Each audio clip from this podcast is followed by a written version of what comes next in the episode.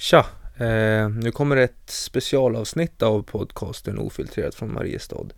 Eh, ni kommer att få höra ett samtal mellan mig, Jens Högbom och Mariestads legenden Björn Berggren. Eh, samtalet börjar kanske lite trevande men efter ett tag så är det, blir det riktigt bra. Jag vill faktiskt säga att det här är ett riktigt kvalitetsavsnitt så lyssna och njut folket.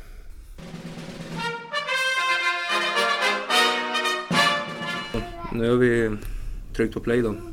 Eh, jag har ju läst din bok. Eh, vet du, jag tyckte den var, den var bra. Tack så mycket. Jättetacksam för att eh, jag fick läsa den. Eh, det, det jag tyckte var att den, du borde kunna haft eh, jättemycket mer sidor nästan för du, du nuddar bara eh, historierna lite. Förstår vad jag tänker? Det borde kunna eh, det borde finnas så mycket mer att berätta. Typ, eh, det var en som jag verkligen fastnade där, vet du, där i, vad var det? När Björn Borg skulle spela tennis mot Muhammad Ali eller vad var det du nämnde där? Ja, just det. det, han, han, det, det var så att eh, han gjorde lite uppvisningsmatcher.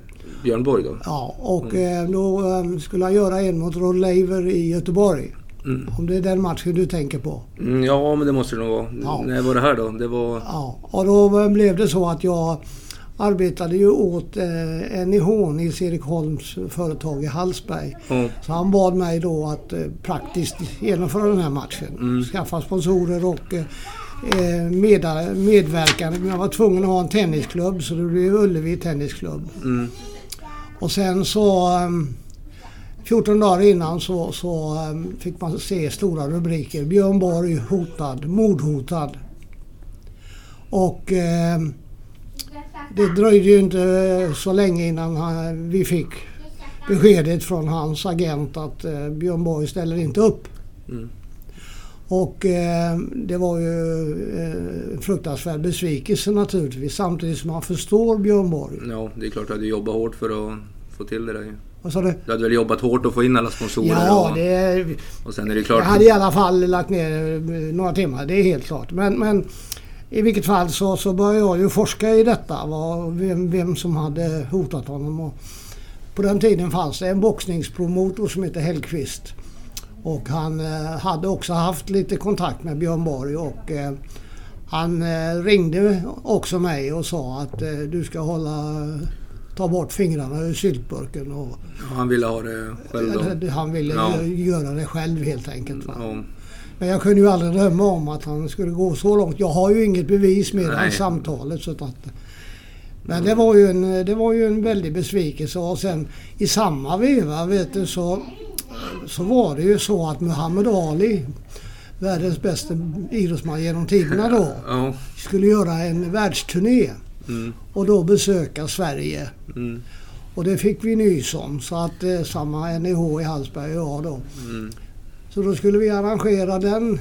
Eh, nu kommer jag in på det arrangemanget men det kanske inte var din mening. Jo, men det var jätteintressant. vi- Fortsätt bara. Ja, eftersom det Ja. var ungefär samma tidsperiod. Ja, Och det hände då att när jag uppvaktade media i Göteborg Mm. om den här händelsen då så, så, så svarar man på sportredaktionen att nej det där är ju eh, nöjes... eh, Han, det är ju uppvisning. Han skulle spela boogie-woogie och det.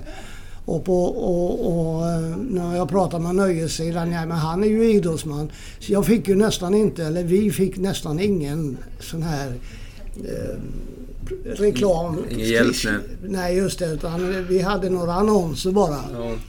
Och det innebar att det kom ju bara 300 personer. Ja, det var det jag tyckte var så sjukt när du skrev det. Att det där är ju typ, det där är ju en sjuk, det är sjukt egentligen. Det är två jättestjärnor ju och så kommer det 300 personer. Ja, det, så det var, ju, det var ju lite knäckande för det hände under samma period. Och det, Vilka årtal snackar vi? Det minns jag inte riktigt. Det här är... det var ju på slutet på, på 70-talet. Ja. Och då hade jag ju kommit igång och då, det var väl liksom att jag försökte inte bara jobba från Mariestad utan komma ut i landet också och bli, bli eh, erkänd om man säger så. ja. Men det var här vid den här tiden du hade börjat bli lite agent och grejer. Ja, det blev ju så att, att eh, eh, vi, vi är nu kring 1973 va. Ja. Då, då någonting hände i mitt, min lilla hjärna. Som, som bland annat innebar att eh, vi var ute på en krogturné i bordtennis. Stellan Bengtsson och Kjell Johansson, världsmästarna. Eh, och jag snackade och, och vi spelade pingis på Baldacchini-restauranger bland annat. Och, och då träffades Ralf Edström och jag första gången Ja, ja. i, i Linköping. Och, fick red, och då hade han ju blivit proffs. Så då hade ju pengarna kommit in i Han spelade i eh, idrotten. PSV Eindhoven. Nej. Vad sa du? Vart gick han då? Spelade han i PSV då? Han, spelade, i- han, hade, han hade precis skrivit på för dem. Så han flyttade ner samma sommar Ja. Till, till Holland. Men jag, jag, jag går lite fel här nu. I ordningen. Därför att vi i bordtennisen värvade vi ju Hasse Alsér till Mariestad Ja. 1963 redan. Ja. Och det var den första eh, penningaffären inom den sporten. Ja. Pengarna när det gäller idrotten kom in i bilden i Amerika och det var golfen. Golf. Ja. Ja. Och det, det tyckte man det passar ju bra med den sporten för då var det ju en rikemanssport. Va? Så Ja. det var inte så många som brydde sig om. Men sen kom den in i tennisen. Mm. Ungefär, eller precis lagom kan man säga, som Björn Borg blev eh, duktig. Ja. Så han hade ju en himla tur där på sätt och vis. Men, Ja. men när jag träffade honom på Töreboda-festivalen många år eftersom så tyckte han att det var väl okej att jag hade tur men jag skulle gärna vilja börja att leva nu. ja, det är skillnad för Ja, Federer och de helt- här. Ja, men han är ju han är ju miljonär i alla fall så att... Eh, Fruktansvärd legend också. Ja, ja. Men du nämner ju att, i boken att Ralf Edström är en av dina närmsta vänner nästan. Så att, Är, är Ralf Ja, ja, jo det är ju så att Ralf, Ralf Edström och jag vi, vi hade liksom lite samma bakgrund med våra föräldrar. Vi hade vuxit upp under ganska, inte svåra förhållanden men eh, ja, vi har aldrig Jämfört med idag så är de tuffa Ja, ju. ja, så vi fann varandra för, för det var ju Torsten Alenby och den här som jag nämnde, agenten och några andra som var ute efter Ralf då. Ja. Han hade ju, blev ju den första världsstjärnan kan man säga. Inom fotboll. I, i, eller? fotboll. Gunnar Nordahl var Ja. det först naturligtvis men sen, sen eh, den generationen. Så att, eh, men vi, vi fann varandra och, och har som sagt fortfarande kontakt numera ännu oftare för att nu är vi lite ensamma båda två Ja, liksom. men det, det, var, det kändes verkligen som det i boken att ni har väldigt eh, tajt vänskap. Ja. Det fick du fram och det var, var ju kul att läsa om. Ja. Nej, men han är väl, jag känner väl mest han som, han var väl kommentator på Radiosporten va? Med Lasse Granqvist. Ja, vilket, vilken duo alltså. Ja, de var ju alltså... Ja, det var ju så synd om Ralf därför att eh, han var ju verkligen erkänd. Därför att dels så lät han Granqvist prata som man ska göra som håller det programmet. Han bara gick in när det verkligen behövdes. Och, i- och gör inte som Glenn Strömberg, pratar hela tiden själv. Nej. Utan han försökte och han vågade också kritisera. Ja men det måste man ju Ja visst, göra. för att bli...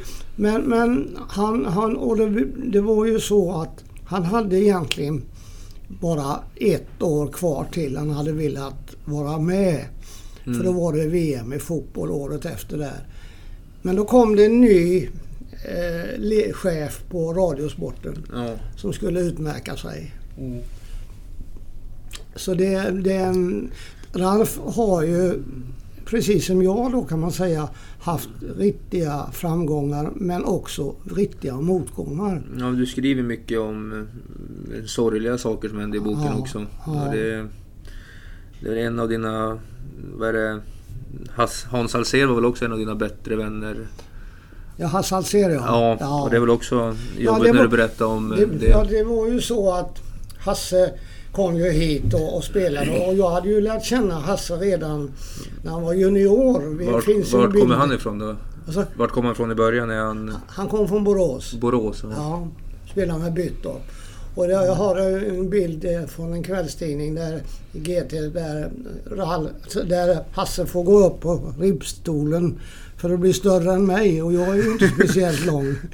Och, och sen höll vi kontakt faktiskt så att när, när Arne Norlander sa till mig att han tyckte vi skulle värva Hasse Alsér och åkte ner till Borås ensam för att göra detta så, så, ehm, så hade det en viss betydelse att, att jag fanns här i klubben. Ja. För Hasse kände lite att jag hade varit lite storebror åt honom. Hur gammal var han när han flyttade hit då? Han var 24 år bara. Ja, men det, det är klart. Ska man flytta från Ja, ja. första gången så vill man gärna ha nå, Jo. något tryggt som man Sen kan var känna det ju sig. inte så mycket med flytten i och för sig för att eh, han, eh, han hade ju, eh, var ju bara här och tränade ibland. Va? Ja, Men, men, ehm, nej, men det med Hasse blev ju så otroligt tragiskt i och med att vi träffades kvällen innan ja, flygolyckan. För i- han hade då upptäckt att jag, vad jag höll på med. Och då sa han så här, det där är ju, det där är ju jätteintressant att bli, eh, som vi kallar, hjälpreda till våra idrottsmän. Ja. De behöver ju verkligen hjälp eh, när man kommer i en helt ny situation med pengar och allt detta. Så han och jag och Kjell Johansson, bordtenniskompisen, Torbjörn Nilsson, fotbollsspelaren och eh, Bernt Johansson, cyklist. cyklisten, skulle f- åka med Stenabåten och bli proffs i Italien. Ja, Vi fem träffades på en restaurang den kvällen innan Mm. olyckan och pratade framtid. Och Hasse sa så här, jag, ja, du kan sköta det administrativa Björn, så sköter jag kontakten med idrottsmännen. För han hade ju slutat att spela då. ja, Och, och, så, och så skulle då Torbjörn och Bernt och Kjell vara referenser. Att man skulle kunna referera till att vi jobbar med dem och dem. Så att vi skulle bilda, han skulle gå in i mitt bolag eller om vi skulle bilda något nytt. ja, Och så, och så hände detta fruktansvärda. Jag, jag bodde ju över i Göteborg och tog tåget till Mariestad och eh, nej, jag åkte bil Mm. och hämtade min dotter. Och hade inte konstigt nog lyssnat på radion så jag visste ingenting. Så sa han, vad- jag skjutsade henne till skridskoåkningen på ishallen. Då säger de, pappa vilken fruktansvärd flygolycka det har hänt. Vad säger du, sa jag. Ja, tänk om det är någon som du känner som är med där. Nej, men varför säger du så, säger jag. Ja, du känner ju så många. Hon var ju inte så gammal. Och sen kom jag hem. Och så ringer telefonen. Då ringer en journalist från Borås. Och så säger han, Björn, eh, har du hört vad som har hänt? mm, Ja, min dotter berättade det. Ja, sa han, när träffade du Hasse Alsér senast? Ja, igår kväll, sa jag. Och, vad säger du, sa han. Ja, vad, vad är det frågan om, jag. Ja, man tror att han är med, var med i planet som störtade. Och du förstår vilken chock alltså. var hemskt samtal. Och så ringde Kjell och, och pratade och så, och så började han gråta och så började Ja. jag gråta bara. Och detta, detta liksom blev ju en eh, naturligtvis en chock, inte bara för mig, för många andra. Men på något sätt i mitt liv så, så hade jag då tio år tidigare råkat ut för att mista min dotter Ja, det skriver efter också två om månader. Jo. Och ehm, i båda de här fallen Mm, och äv- även nästa som jag ska berätta så var jag liksom uppe på mm, riktigt igång ja, och, och det gick bra som Mm. tur var. ja. För får man en sån smäll, När man är på botten redan ja då. då gäller det att inte vara där nere. Va? Ja, Så att nästa, och det var ju då på, i mitten på 60-talet och detta var i mitten på 70-talet. mm, Och sen i mitten på 80-talet så Mm. omkom sp- Pelle Lindberg, Mm, ishockeymålvakten. Och honom hade jag pratat med två dagar innan. Ja, och säga att han skulle ta det lugnt. Och, Ja, ja, och ta det nu lugnt för de skulle ju ha fest då. Den Ja. enda festen på hela hösten. ja, Och sen, sen kom ju det ytterligare i livet när, när 90-talet när Lasse Persson, min närmaste medarbetare på turistbolaget. ja, Det hände ju inte över en natt va, men ändå. Ja. Va? Så på något sätt, jag, jag är ju troende, så på något sätt så känns det som att, att man måste få en motgång för att klara en medgång. ja, det kan ligga något i det. Att det sen blir så dra, dramatiskt och drastiskt, Ja. det, det är inte mycket att göra åt. Va? Nej. Men det, det har fått mig ändå.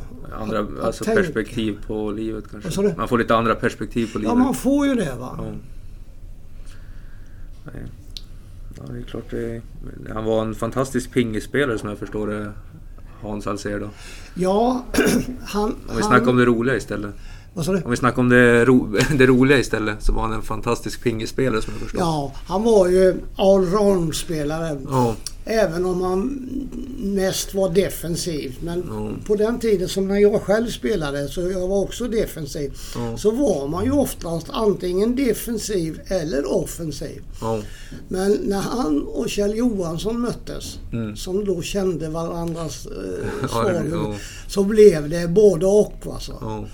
Och, och för att sen ytterligare gå ett steg till Gio Wallner och den generation som kom efter Stellan och Kjell. Ja. Då blev det ju allpingis. ja. Man, kan, man kunde allt. Så ena stunden kunde man vara långt bak i, på, i, i hagen och plocka och Mm. Nästa moment kunde man vara framme och vara offensiv. Men så är det väl med alla sporter, de utvecklas ju. Ja, de man, utvecklas ju. Man ser ju bara på fotboll nu, det är ja, ju jajamän, det det är helt andra idrottsmän nu för tiden än vad Nej, det var förr. vi, vi glömmer ju ofta när vi, när vi jämför att eh, bara en sån sak som snabbheten. Hur mycket Ja. snabbare man spelar. Jag, jag vet, jag pratar ju med Ralf Edström när det är matcher på TV. Vi kan Ja. ju ringa varandra mitt i matchen ibland. Jag var väl för sjutton inte straff där. Och, så. Ja. och då, då vet jag, han brukar eh, påpeka för mig, Björn glöm inte att det går så mycket snabbare idag. Ja, det, men det är ju, jag spelar ju själv hockey Jaha, fram till för två år sedan. ja. Och då är det många som är lite... Tycker nästan att sporten börjar gå för fort. Så att de här äh, lirarna och de som äh, tänker mycket försvinner. ja. Att till slut blir det bara de här som är stora, starka och snabba som kan vara kvar. Så kan det vara. ja. Ja, det finns ju... Men du säger att du är troende. ja. Är det en stor del av ditt liv eller är det en viktig del för dig? Ja, det var så här att eh, jag är ju enda barnet och eh, på min mammas sida. Mm. Eh, och eh, hälsade på min mormor med glädje. Mm. Eh, hon eh, blev min första idol. Och varje söndag förmiddag så, så skulle vi sitta i salen Mm. och lyssna på radion, gudstjänst på eh, radion. Mm. Och ehm, då så vet jag att när vi satt själva sen och pratade när jag skulle flytta, vi skulle flytta till Falkenberg och jag inte skulle kunna komma så ofta så, så sa han att Björn glöm aldrig att det finns en Gud som eh, vakar över oss och eh, glöm aldrig att be honom om hjälp. Glöm aldrig att tacka honom Mm. när någonting hänt. Och det där eh, det har jag burit med mig. Men, och jag vet under jubileet då gick jag och satte mig i kyrkan ibland för att få kraft. Och, och, Det här jubileumsåret. och, 83 ja. Ja. Och ehm, det, sedan har jag ju ändå det problemet när det händer så mycket tråkiga saker. Mm. Barn som eh, blir överkörda och våldtäkter och allt Mm. mycket tråkigt som händer. Så har jag svårt för att förstå detta. Men ehm, jag lärde ju känna Tarren som, som hade en missionsbåt i Lida som Mm. besökte orter runt våra kuster. Mm. Och vi satt mycket och pratade om det och hans filosofi kanske li- naturligtvis eh, kan vara rätt och det är ju att det finns en, eh, en ond gud eller en, en måste vara så att vi måste få både det ena och det andra. Ja. Ja, det kan, jag, det kan jag köpa. Själv så är jag, är jag väl inte troende och så men eh, jag tycker ändå ja, framförallt, eller det viktiga, eller det fina med kristendom det är ändå det här med förlåtelse tycker jag. Ja absolut. Det, absolut. det är väl det viktigaste som jag tycker man ska ta med sig från det. Ja det är det. Att eh, ibland, fan det blir fel ibland och att man ja. kan få förlåtelse och ge förlåtelse. Det är väl vad jag tycker man ska ta med sig från. Absolut. Sen, eh, det har du helt rätt i. Ja, men eh, jag skrev lite här, äh, din barndom var ju lite speciell. Det där med att du föddes efter sex månader. Ja. Det, det, var, det är ju... Och sen när föddes du? 36? 37? Nej. Jag menar att, att du ens överlevde är ju ett mirakel ju. Ja, alltså på den tiden vet du, så, så fanns ju inte kuvös. Nej, jag såg den där lådan du hade byggt. Och, och mamma hann ju inte ens... Hon hann ju inte till något sjukhus utan jag, mm. hon tappade ju mig på köksgolvet. Mm. I, Kjell, I Herrljunga och eh, det blev ju ett väldigt ståhej men eh, man, man eh, förstod ju ganska snart att att eh, jag skulle inte klara mig så bara fyra fem timmar efter födseln så blev det nöddop. Mm. Och då döptes jag till Björn för att mm. jag skulle få kraft mm. att överleva. Och eh, jag hade, låg i en sockerlåda eh, med vadd på sidorna och så hade man tegelstenar som man värmde i, på, som golv och så, eller botten. Och sen så värmde man vatten på spisen och då hällde i literflaskor i 14 dagar höll mm. man på med detta. Så det mm. var ju både grannar och släktingar inblandade i min, eh, men, eh, i, i min överlevnad och det, det är som sagt... Eh, det är ett mirakel. Det, det, det, är ju ett mirakel ju. Ja, ja. ja det... alltså min, jag berättade, det var ju typ nästan det första du skrev i boken, så jag berättade för min tjej då. Ja. Hon, är, hon är ju, eller inte mina barn, men hon har ju fött barn. Hon vart ju alldeles chockad ju. Hon ja. tänkte att det där ska, det ska inte gå. och sen är det en sak, det är typ, hur gammal är du nu? Det var 86 år sedan liksom. Det är ju, sjukvården var ju inte som den är idag ju. Så det är ja. Eh, men jag tänkte, hur kom det sig att du flyttade till Mariestad egentligen då? Ja, det var ju så att jag som, som, jag, som jag skrev i boken så var jag ju liksom inte speciellt bra i skolan. Och, och det gjorde det att eh, jag fick bli pinpojk då. Det innebar att man har den här rödvita käppen och så mätte vi Falkenbergs, gjorde en eh, grundkarta över Falkenberg. Men då, då sa ingenjören till mig där med, som hade instrumentet att Björn du, du, måste ju, du måste ju utbilda dig till någonting. Du, du är ju på hugget och du tycker ju om att det ska hända saker. Ja men du ser, jag, jag hade ju dåliga betyg. Ja men du har nog vuxit till dig sa han. Det, mm. Så det blev så att jag började på GTI i Göteborg. No. Och blev så kallad 25-örsingenjör. På den tiden, alltså vi, vi är nu i slutet på, på 50-talet, no. så, så skrek man efter tekniker. Oh. Så då blev den här ingenjören en, en, en, hälften så bra som en Chalmersingenjör kan man säga. Jaha, ja.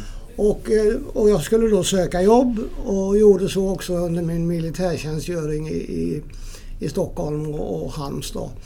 Så, och då sökte jag, jag sökte utomlands och mamma var förtvivlad. Nej du får inte flytta så långt sa hon. Och, det var ju på, på den tiden, jag ville ju bli journalist egentligen men det fick ja. jag heller inte för mamma. Men du skrev lite i tidningar ändå va?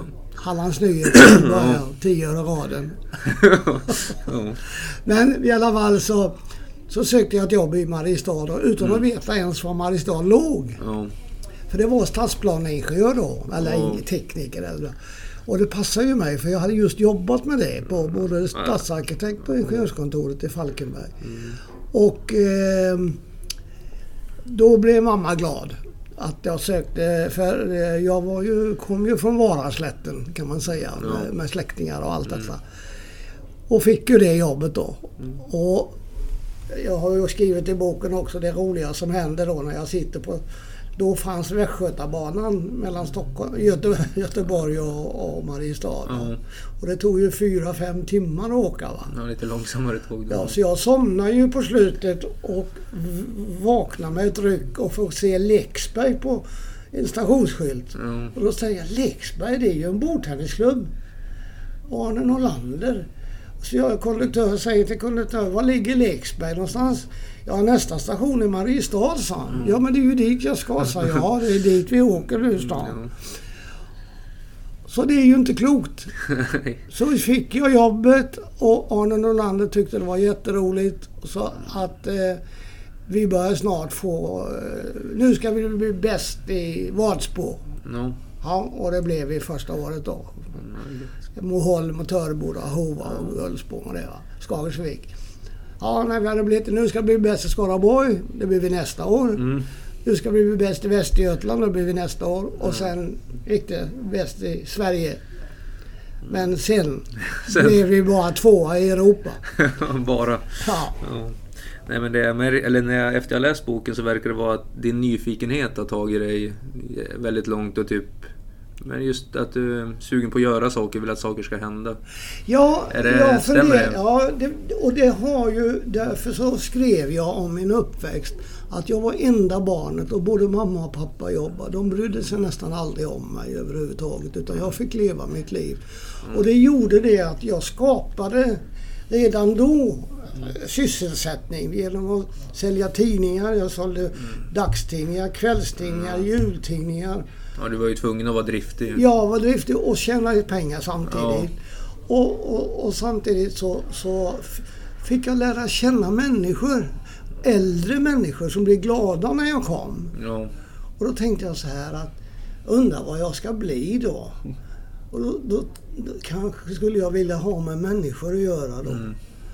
Så det föddes egentligen redan där och motgången då.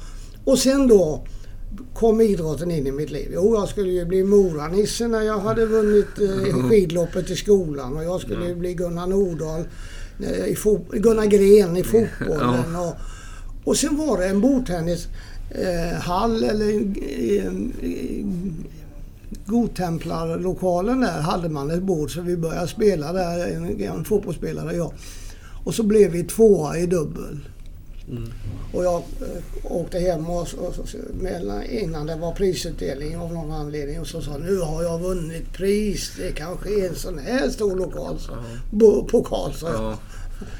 Ja, ja, ja, sa mamma och pappa. Det åker. Den var så stor, alltså några centimeter bara egentligen. Men den har jag kvar än och står på mitt skrivbord har så gjort i alla år. Därför Ja. att den pokalen fick mig min första utmärkelse och godkännande i någonting. Ja, det är klart det. Efter alla motgångar i skolan och hemma och jag fick skäll och allt det här. Va? Så att det tog med mig och när jag då kom till Mariestad så, så då kommer mitt troende fram tillbaka. Alltså det måste ju funnits någon, någon högre makt Ja. som ville hjälpa mig. För att jag fick jobbet i kommunen, okej. Men då, då gjorde jag så när det kom, kom eh, besök till byggnadsnämnden. Så, så sprang jag dit och hjälpte folk. För jag tyckte att eh, då fick jag röra på mig och jag var ju orolig ande. Och så ty, blev de glada att jag hjälpte dem och sådär. Och då var det en, en, eh, snubbe som kom tillbaka ganska ofta. Han hade varit skjortförsäljare i Nybro. Han kunde ju ingenting. Och han sålde Myresjös. Ja. Så efter ett, eh, ett år så sa han du, du ska inte jobba kvar här. Du ska ut i det fria näringslivet och hjälpa mig att sälja hus. Och du kommer få börja med att vara ingenjör och hjälpa med papperna och så vidare. va. Och jag blev ju så glad alltså. Jag bara tänkte herregud vad Det, roligt. det, är ju- det är uppskattning om något. Ja, och så fick jag träffa människor ännu mer. Ja. Och så gick det ju ett tag och då tänkte jag, kan, kan inte jag få sälja jag också? Ja. Jo, det kan du väl få, sa han. Och, och vi pratade med försäljningschefen nere i Vetlanda. Nej, du förstår, är man ingenjör då, då, då är man ingen säljare. va. Men det han inte visste det var att jag var ingen, inte så jädra bra ingenjör egentligen. I alla fall inte praktiskt. va. Nej. Men sen utvecklades jag då. Tack vare att jag under min uppväxt hade lärt mig att umgå och lyssna på andra människor. Ja. Så passade det mig med min kunskap då, Ja. tekniska kunskap. Ja. Och sen inge förtroende. Mm. Och till skillnad från nu så lyssnade jag mer än pratade. På den tiden? Ja. Ja. För jag ville att de skulle känna att jag brydde mig om vad de ville ha. Ja, jo. Det, som det- säljare då? Ja, som det, är lite, säljare. det är lite ovanligt Ja, grepp ju. in, ja nej, alltså det, det, det bygger... Det byggde på förtroende och just Ja. den egenskapen hade jag ju då haft med mig kan man säga också. När jag kom och sålde tidningar och allt. De tyckte det var roligt med... Ja, Ja, förtroende är ju jätteviktigt i, på alla plan egentligen. ja du vet... Det är ju vad samhället bygger på i stort sett. Men eh, idrottsstjärnorna, varför, varför tydde de sig till mig? De, fick, de trodde på mig. Ja, för att, de, att du inte... Varför, varför vann vi politiska valet och bildade ett nytt parti? De Ja. trodde på mig. Ja, Oss. no, ja, det är klart. Nej, men jag tycker det var intressant att du pratade mycket med äldre folk när du var liten. Ja. Men att det finns ju mycket att hämta genom att prata över generationsgränser. Att det finns ju mycket för mig att hämta från dina historier. Jag tycker din bok var nästan lika mycket en, en liten lätt historielektion över Mariestad. För jag är ju inte härifrån heller. Jag är från Umeå. Jaha. Så- jaha. Men eh, det du pratar mycket om är att det finns någon typ Mariestadsanda eller något. Ja. Hur skulle du beskriva alltså, den? Alltså städer i den här storleken. Ja, Där kan man skapa en anda och första gången som, som jag upptäckte detta det var, det var väl 73 när vi gjorde som Mariestad första gången. Och, Ja. och eh, det var ju ganska enkelt. Jag, jag var programledare som aldrig hade gjort det förr. Men jag hade med mig Elvie Bengtsson som Mm. var ju erkänd skådespelare och sångerska. ja. Och Magnus Kvintett som hade kommit upp på Svensktoppen. Mm, Så att, ja, men, men själva programmet byggde på återigen att de skulle känna gemenskapen. Vi tog upp folk på publiken som fick vara med och leka och göra saker. Vi hade barn som fick sjunga och spela. mm, Och eh, vi hyllade de som fyllde år eller hade namnsdag eller hade något annat. Då, då tror jag att det första, den första känslan för Mariestad mm. för det, ja, inte bara Mariestad utan hela bygden. För Ja. det, kom ju från Töreboda och Gullspång och allt. Mm. I Vadsbo kan man säga. Mariestadstidningens spridningsområde. För Mariestadstidningen var medarrangör. På det här stället som vi sitter, Lundstedts konditori. ja, De skänkte varje gång fyra rull, äh, tårtor. ja, Vi ringade in, man tog en bild på publiken och ringade in fyra stycken. ja, Och de berättade på konditoriet här att klockan 10 på morgonen var de här fyra här och hämtade sina tårtor. ja, men det är, ja, men det är, ja, Ja, och sen kommer då nästa. Sen höll vi på med detta och, och jag, genom idrotten så visste ju alla vem jag var och så vidare och husförsäljningen. mm, Så då, då liksom kände jag att eftersom nu alla har fått förtroende, så många har fått förtroende för mig, Mm. vad, vad kan jag mer göra? Och då kommer det här lyckokastet att, att Bernt Gannå, folkpartist från näringslivet som hade börjat som politiker, föreslog Mm. tillsammans med Gun Lundqvist, moderat, att vi måste fira Mariestad 400 år. ja, det var 83. 83 ja. Ja. Och det hade då andra städer gjort i ungefär samma storlek. Härnösand bland annat och så vidare. Ja, Och då, då blev det ju så att eh, de anlitade två reklamfirmor i, i Skövde att, att eh, jobba fram ett program och ut, försöka komma med förslag på jubileumsgeneral. mm, Och då ringde man ifrån Faktum till mig och, och, och testade. Vi har, en, vi har fått den här idén. Vill du ställa upp eh, tills vidare på, på, vad, du tycker om våra idéer? Och jag svarade och svarade och svarade. Och det var väl bra och det var väl inte bra. Och så hade jag lite egna idéer också. För det, det, det kändes ju eh, så. Och efter det var så säger han, ja nu ska vi skicka in vårt förslag till kommunen och vi vill ha, har du någon idé vem som skulle kunna vara jubileumsgeneral? mm, och det är väl en av de få gånger jag verkligen har varit så fräck så jag har framhållit mig själv. så jag föreslog mig själv. Ja, men om du tycker att du passar så är det ja, bara att säga det ju. Ja, och inget att skämmas för. Då svarade vederbörande Gustafsson som heter Det var det svaret vi ville ha. ja. Och det visade sig sen då att, att det passade mig också som handsken. Men jag menar, ja. tänk att, att det också kunde komma så lämpligt. Ja. För då hade jag under 70-talet jobbat med våra idrottsstjärnor och ja. det hade gått hyfsat bra men jag kände själv att för att vandra vidare med idrotten då måste jag flytta till en storstad. Ja. Göte, ja, eller Göteborg, Stockholm i alla fall. Och det hade bara växt mer och mer och mer. Du hade ja, behövt, ja, eh, det, och så märkte jag att jag måste ha en advokat.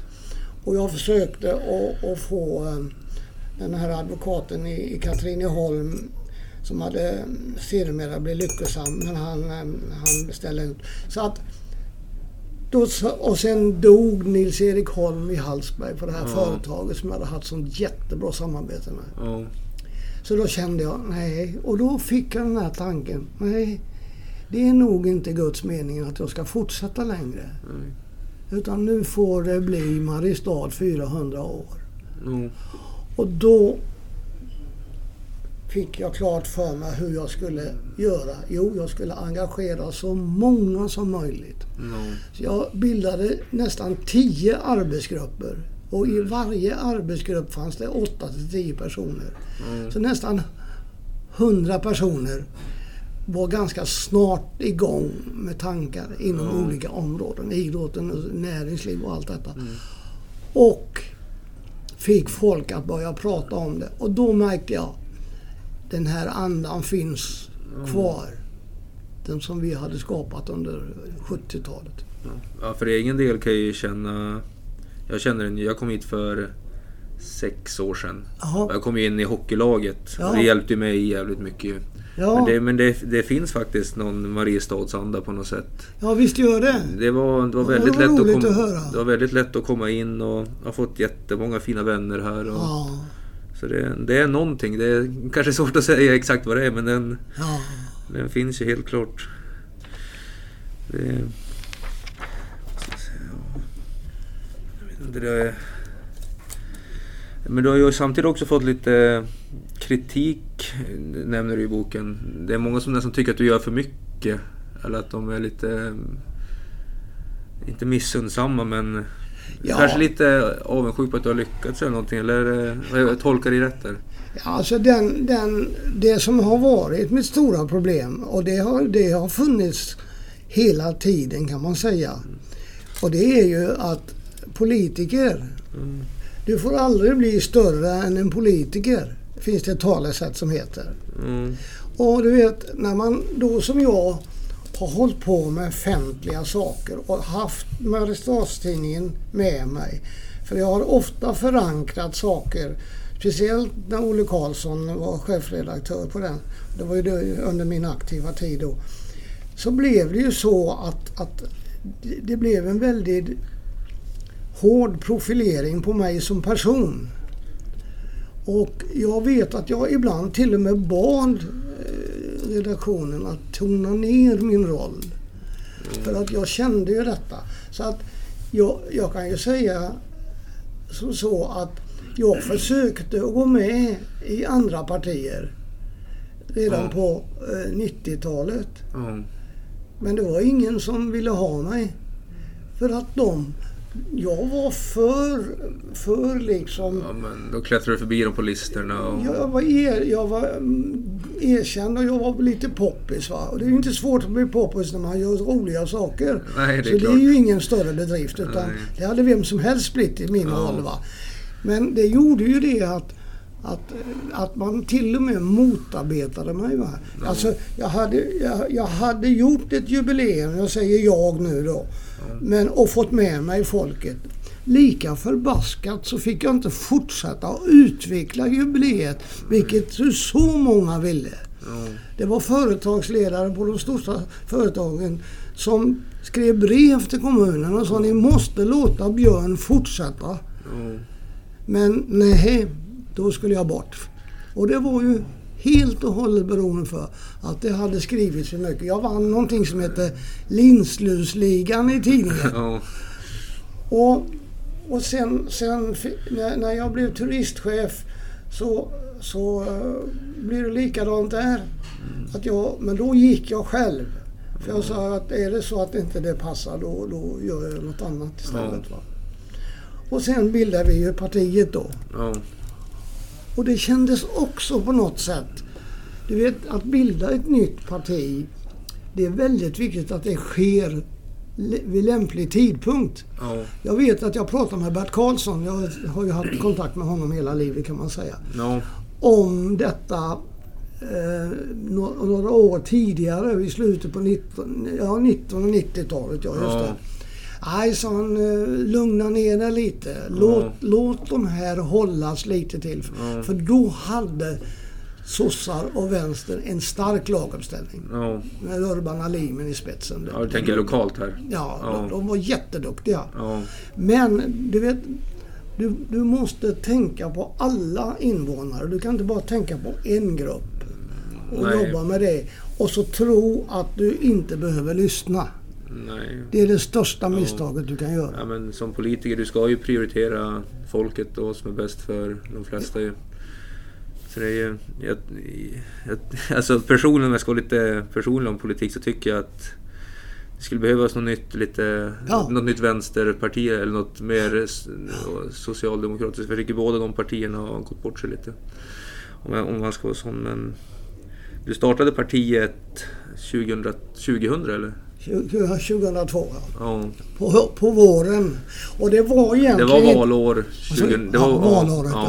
Och det var ju så att, att eh, Stig Lagergren, före detta kommunalråd och moderat, var igång och skulle bilda ett Skaraborgsparti Ja. i, i regionen Ja. för regionvalet. Mm. Och så ringde jag till honom och sa att eh, hur går det för dig? Nej, jag, jag kommer inte loss. Men ja, då hjälper jag till, så jag. Mm. Och då började jag, för att göra en lång historia kort, så blev det så då när jag pratade med folk om, om regionparti så du måste bilda ett eget ett Mariestadsparti också. Ja. För nu är vi trötta på de här som sitter Ja. och bara kör sitt eget race. Ja, men jag tänker så här i just kommunpolitik så tycker jag, som jag har tänkt på lite, att man borde flytta de valdagarna. Att man borde ha valen till kommunen, alltså mellan valåren till riksdagen. Ja, ja absolut. För nu finns det som inget intresse för att rösta. Ja, men de gånger man själv har röstat, det är väl först på senare år jag börjar bry mig lite om politik. Men det har ju varit att man har röstat, ja men låt säga Du har haft val nu. Alltså efter, i mitten. Ja, mellan. Ja, ja, Ja, absolut. men det, det är lätt att det blir, om jag röstar på Socialdemokraterna till riksdagen och så blir det att man gör det Ja, till visst. Ja, det gör ju det. Ja, för då blir det så här, ja men jag orkar inte sätta mig in i det också. Så jag tror verkligen så det hade gör man ju i vissa länder, som du säger. Ja, jag tycker det hade varit en jättebra idé. Ja, det är Sverige. bra idé. Sådär. Men det är väl, det är väl, det skulle ju de stora partierna tappa på så det lär väl inte hända tänker jag. Det är väl de som förlorar på det tänker jag. Nej, just det. Ja, men eh, du skriver också i boken att du är lite eh, argare nu för tiden. Att du är lite, Att, att du är lite argare. ja, nu, det, det blir ju så när man... När, man, eh, när jag äntligen blev pensionär. Jag blev ju inte det förrän 75 kan man säga. Ja. Eller ja, då, då, då, sen dess har jag ju bara skrivit böckerna va, Ja, egentligen. hur många böcker har du skrivit? Är det, Va? det här är enda boken du har skrivit? Nej, du har skrivit fler böcker. Tre böcker. Fick du inte de andra två? Nej, jag är bara den Men här de- senaste. Varför, varför gav jag inte dig? Det var ju synd. Ja, i vilket fall. ehm, eh, då, då får man ju mer tid va? Ja, det är klart. när man blir pensionär. Mm. Och, och eh, eftersom kroppen har sagt ifrån. Jag har alltså hjärtsvikt, diabetes och prostatacancer och hör illa och ser illa och mår illa. Men här uppe så reagerar jag. Och det värsta är att jag reagerar både kommunalt och regionalt, riksplanet och världen. Ja. Och det gör ju att jag ständigt, idag till exempel har jag gått ut på Facebook och skrivit att varför vi måste sätta stabsläge på TV-kanalerna.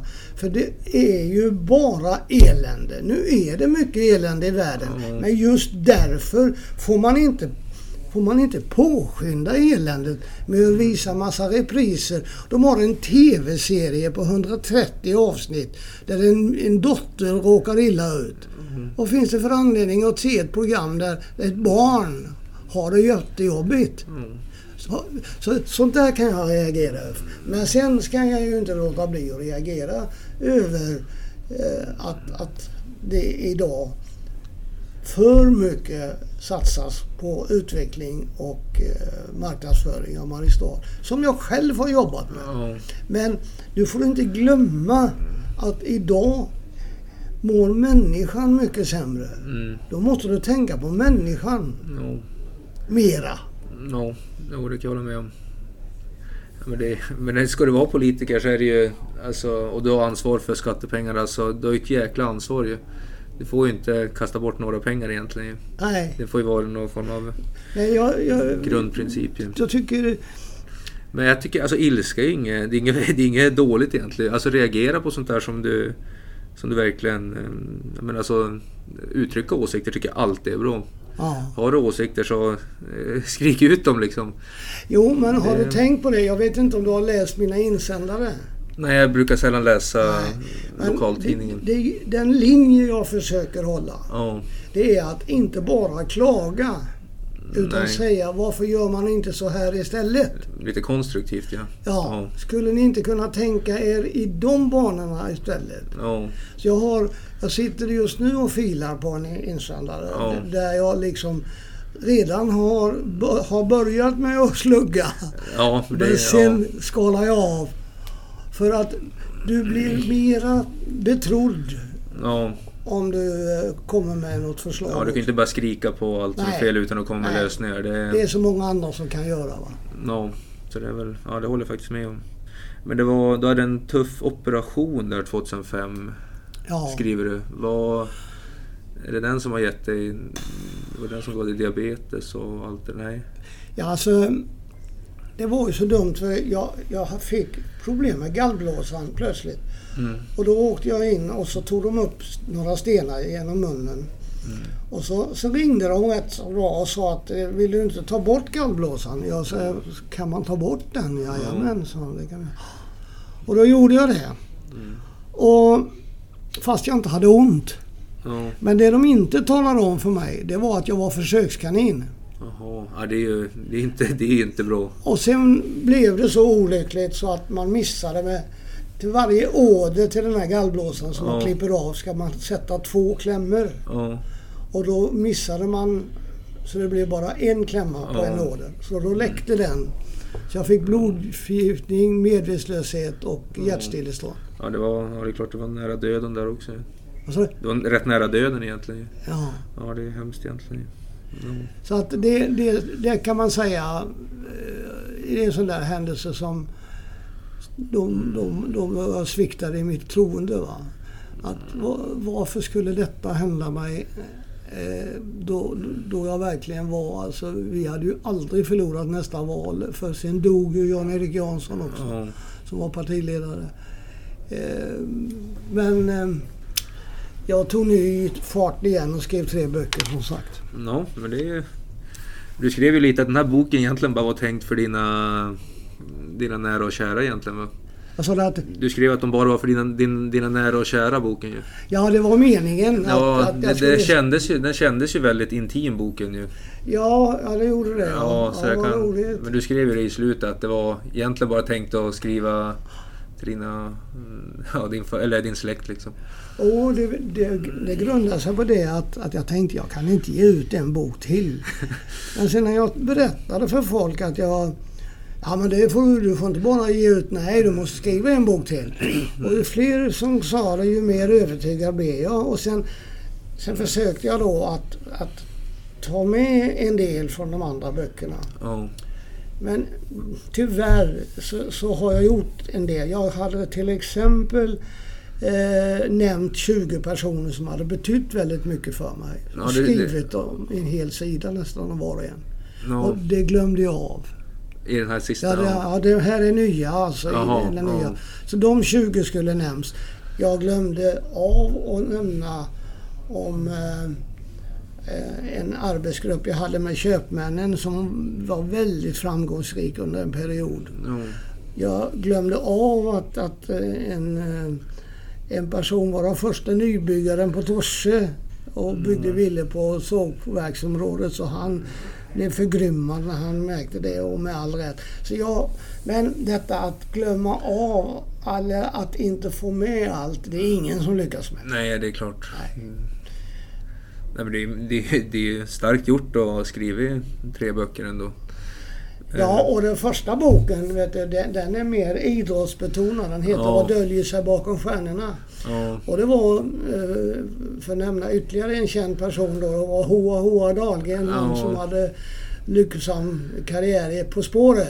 ja, det är väl Ja, favoritprogrammet i alla fall. Ja, jag har sett det. Ja. Han var och hälsade på mig på sjukhuset när jag hade kvicknat till. Ja. Och sa han, om du nu kvicknar till så, så bra så nu måste du skriva en bok om det du har gjort för oss idrottsstjärnor. Ja. Därför att du är, var den första som kom på idén hur roligt idrottsmän kan ha i olika åldrar, i olika grenar. Ja, men det är mycket... Ja, nu avbryter jag Ja. lite. Men det är den här... äh, Vad heter det där laget? Stjärn- stjärnlaget. Ja, det var lite Ja. det va? Det var fär, det Ja. skapade jag och den sa det är unikt det du har gjort.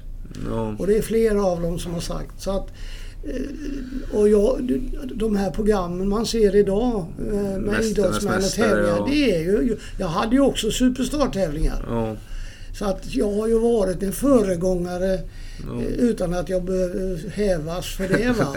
Så, så, så då, men så, för jag menar Ja, ja det går alltså det, Ibland så kan jag vakna mitt i natten och komma på saker. Alltså. ja, Så, så intensivt. Och du vet 70-talet var ju svensk idrotts största års, eh, tio, tioårsperiod. Ja. Med Ing- Ingemar Johansson, Björn Borg, Stenmark, Ja. Frank Andersson. Vad de kallar dem? Fot- 55 eller? Ja, Ja. och 56orna. 56orna, ja. ja. ja, visst. Och Bernt Johansson. Ja. Jag menar bara komma på 56orna. Ja. Det hade ingen annan klarat. För jag hade ju suttit i, i köket hos Frank Andersson och Stenmark. Och, inte i köket men jag hade ju Ja. bott i samma rum som Björn Borg och var ju... Så att det, det, men du vet... Ja, det är verkligen folkkära personer alla de Ja, där ju. ja, ja. Det Alltså- som var lite synd bara det var ju att Wassberg låg på sjukhus. Han är ju också 56 Ja. Thomas Wassberg. Så han kunde, så det blev ju inte fem tätten som det skulle Ja. blivit. Va? Men vilka människor alltså. Stenmark han hade ju tankat här ute på Rattugglan för några år sedan. Mm. Så jag har sagt, var är jag någonstans? I, i, ja, du är i Mariestad. I Mariestad, ja. Hur mår Björn Bergen? ja, nej men det, det är klart kul. Det var kul att läsa om alla de där för det är ju som... Jag upplevde dem ju aldrig själv ju. Nej, och För det, för det blir mer typ såhär vad min farsa berättade om att de var så Ja. bra. Och, Ja, så det var det. kul att läsa. Du som var så nära dem också. Så det var... Jo, jag vill ju visa också att de är vanliga människor. Ja, De är inte något annat. Det är, den, det är ju egentligen bara Gunnar Gren jag blev besviken på egentligen. Annars har ju alla varit jättegoda. Ja men så, ja, det är klart. Det, ja, men du... Alltså, jag har ju... Alltså, innan jag ringde dig där så visste jag ju faktiskt inte en aning vem du var ju.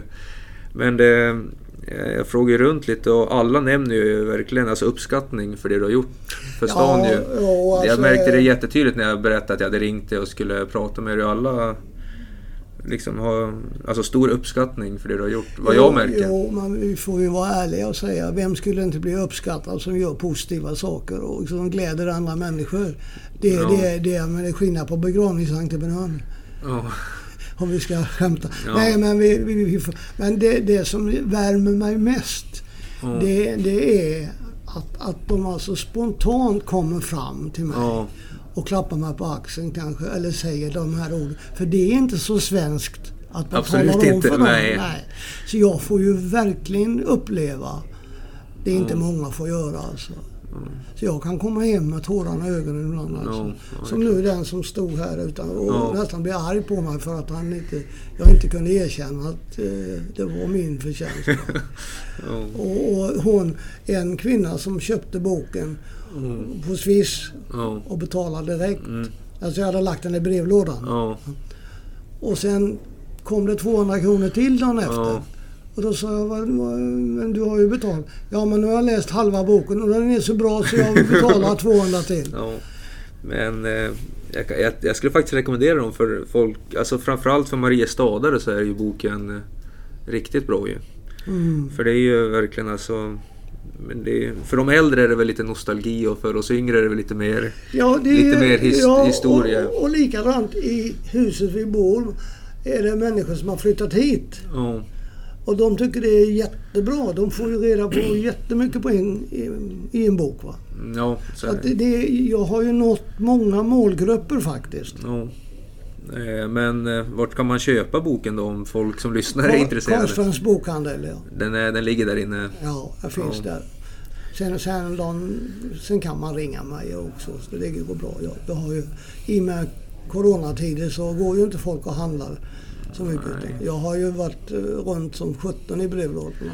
Ja, ja, Men det har varit skoj. Ja. Eh, du, du, du berättade en annan liten historia här som också är lite, lite tråkig på ett sätt. Är det ju. Ja. Du hamnade i, hamnade du i fängelse 1994 där? Ja, Någon spetsad det, drink, det, det, eller? det var ju inte fängelse utan det var ju öppen anstalt. Ja. Jag, jag, jag alltså, hade varit på, jag jobbar ju med Tipsextra och Oldsberg. Ja. Och jag hade åkt klockan sex på morgonen till Göteborg och kom tillbaka klockan tio på, eller sex på kvällen och så skulle vi avtacka en turistvärdinna. Mm. För jag gjorde det uppdraget genom turistbolaget. Mm. Och då så sa jag, jag kan vara med en stund bara och så, och så drack jag en öl. Eh, Och sen när jag skulle eh, gå hem och jag gick hem redan klockan tio Ja. så, så dök det upp en snubbe och sa nu ta dig en jävel. Ursäkta. Men nej, jag vill inte ha. Ja, jag har du blivit stöddig? Och det, har, det är någonting som har varit lite jobbigt ibland. Om man inte har liksom hängt med. va. Så jag, jag tog eh, en klunk då. För jag Ja. skulle ändå ta taxi igen Ja. tänkte jag för jag hade druckit öl. Och sen eh, pratade jag med vakterna och så sa de ja, ja det var dåligt väder. Ja, jag ska ta taxi. Så jag, och det var ju, då var ju restaurangen bara 50 meter ifrån taxi. Ja. Så att de, de såg ju att jag gick dit. Men sen, sen vet jag egentligen ingenting vad som hände. Mm. Förrän jag vaknade klockan 10 dagen efter Mm.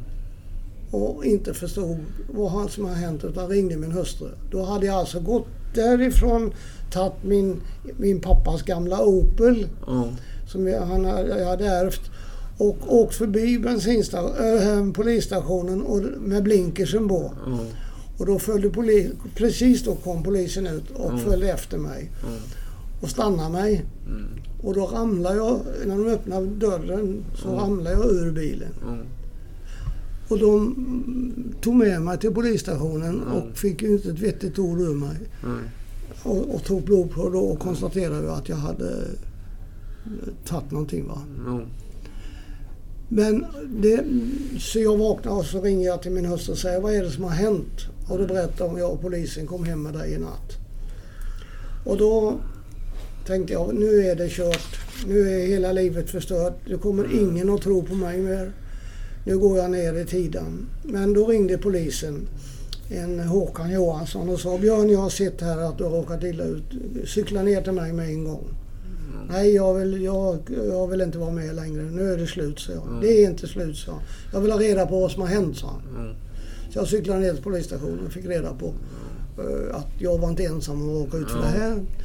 Och sen så, så blev det ju som det blev, att det blev en rättegång och, och eh, jag, jag hade, ju- då visste jag liksom inte någonting utan jag bara erkände att eh, jag måste ha, det måste ha hänt något. Ja. Och jag kom ihåg då att jag hade tagit Ja. så jag hamnade på en öppen anstalt i, Mm. i Vänersborg. Som är nya.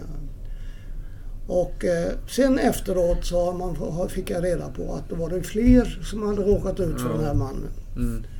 Så att eh, de fick ju stänga restaurangen. Men eh, det fanns någon mening med det också. Ja, det är ju en erfarenhet på sitt sätt ju. Ja. Och jag kunde hjälpa många andra genom att berätta att Ja. Det var ju tur, tur att det blev... Ja, men där var det också förlåtelse. Så det var ju perfekt. Eh, vad ska vi mer ta? Vi har ju... Det, eh, Ja, ska vi se. Du snackade ju lite om eh, att du vill ha tillbaka kvarterspoliser om vi ska ha lite mer. Ja, Det är en, ett kapitel du har i boken ju. ja just det. Jo, jag, jag, jag noterar ju detta att man hade haft detta och lärde ju känna eh, dem en del också. Och, och jag måste säga att, att eh, idag är det ju värdefullare än någonsin att vi verkligen hjälper myndigheter på olika sätt. Alltså vi måste vara uppmärksamma. Vi kan inte ha poliser överallt och, och, och, och, utan vi, vi måste med sans ta ansvar även vi medborgare. Inte bara skylla och tro att alla myndigheter ska klara att hålla reda på allt. Så jag kände ju att, att för, och myndigheten själv i det här fallet, polisen, måste alltså så viktigt som det är att du börjar lära känna barnen och ungdomarna. Så du får förtroende tidigt för polisen ju. Ja, det, det, det måste, du måste börja där. Det, Ja. det, alltså, de är ju redan förstörda när de kommer till skolan en del. Mm. Ja, det är viktigt att ta hand om saker tidigt ju. Så bra kontakt med polisen är viktigt. Men jag tror det är ganska viktigt överlag för alla medborgare att man tar, alltså tar ansvar i samhället liksom. Eller att man engagerar sig. Jag Eller- märker att grannen, att det är något som händer hos grannen. Ja, Så får- måste det ju med, men det gäller ju att göra det med sans va. ja. Men det är också, jag märker också, det är lätt att säga att man, ja, men, att göra saker men det är, det är svårare att göra Ja, rent är det. praktiskt. Ja, det är ja. lätt att sitta här och säga att man ska ta Ja, ansvar. man kan ju göra fel också naturligtvis. Ja. Men, men jag känner att vi, vi, vi måste ändå försöka. ja, det, Och så var det så att jag var på samma gym som Simmelund där som, som är nämnd i boken. Så vi har suttit och, i omklädningsrummet och, och pratat om det här. Va? ja. Så det gjorde ju liksom att vi började, ja, började märka. Och, och sen, sen är ju media uppmärksam idag på allt som händer. Ja. Och, och det ställs ju frågor rent ut ibland. Att, eh, hur, kan det, hur kan det bara föregå, förekomma? Jag menar, vi, vad var det sista jag, jag fick höra nu som hade hänt? Alltså, det är ju så fruktansvärda saker. Alltså. Ja, det har blivit väldigt brutala brott nu för tiden. Det, Ja, och, och saker mot barn alltså. Det, det, Ja. Jag kan förstå vilket mörkertal det finns. Du. det är. Men eh, om vi tar något lite mer positivt så är det ju, du är väldigt positiv mot idrottsklubbarna här i stan ju. Du, du tycker att de är en positiv alltså kraft här? Mariestad överhuvudtaget, om vi nu är inne på kanske att knyta ihop det här va. Så, så Ja. kan jag väl säga att, att Mariestad är ju drömmen att bo i. Alltså, jag tycker att kommu- kommunen är lagom stor och vi har ett samarbete med Vadsbo. Så kommunen är egentligen ännu större. Och vi har en bra lokaltidning. Folk mår bra i stan. Näringslivet fungerar. Föreningslivet.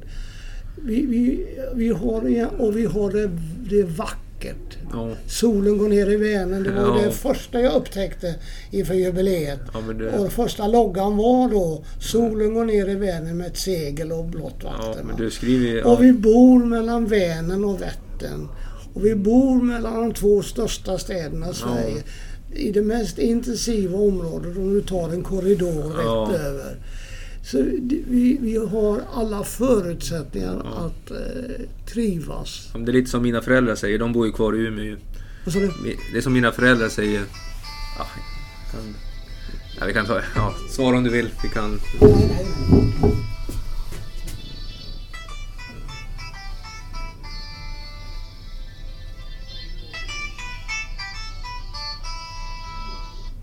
är inte klara än.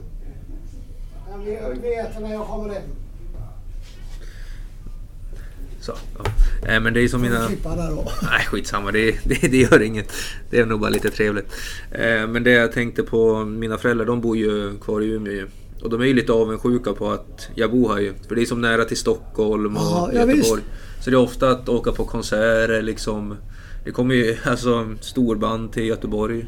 Metallica om man har kollat på. Ja, när visst, Dylan var där. Och det är ju, så det ligger ju fantastiskt. Och det är inte den här samma... Du har ju en ganska dyster bild av dagens Göteborg i boken ju. Att du, du bodde väl där fram till 2015 eller något. Ja, just det. Jag bodde ju där. Eh, flyttade ju dit då när jag blev trött. Ja, de var ju till och med trötta på mig i mitt eget parti. Va? Så att eh, vi flyttade ner och Jonas, min son, hade en lägenhet som jag fick ta över. Mm. Men det som hände där med en, en gång då, det var ju att jag kom in i näringsliv, en näringslivsgrupp. Och jag fick en utmärkelse efter ett år att jag var årets Rocky. Jag måste vara världens äldsta Rocky. Som du vet inom hockeyn är ju det är en ung person. Ja, det är Men, 18-åringar ju. Ja, det är i alla fall. Eh, trivdes jag väldigt bra. Det var bara det att, att Ove Sterner som var chef där, han eh, bror till Uffe Sterner, han eh, engagerade mig i bildandet av ett nytt parti. Eftersom jag hade gjort det i Mariestad. Ja, eh, Göteborgsdemokrat, ja det här partiet som nu har, är med i...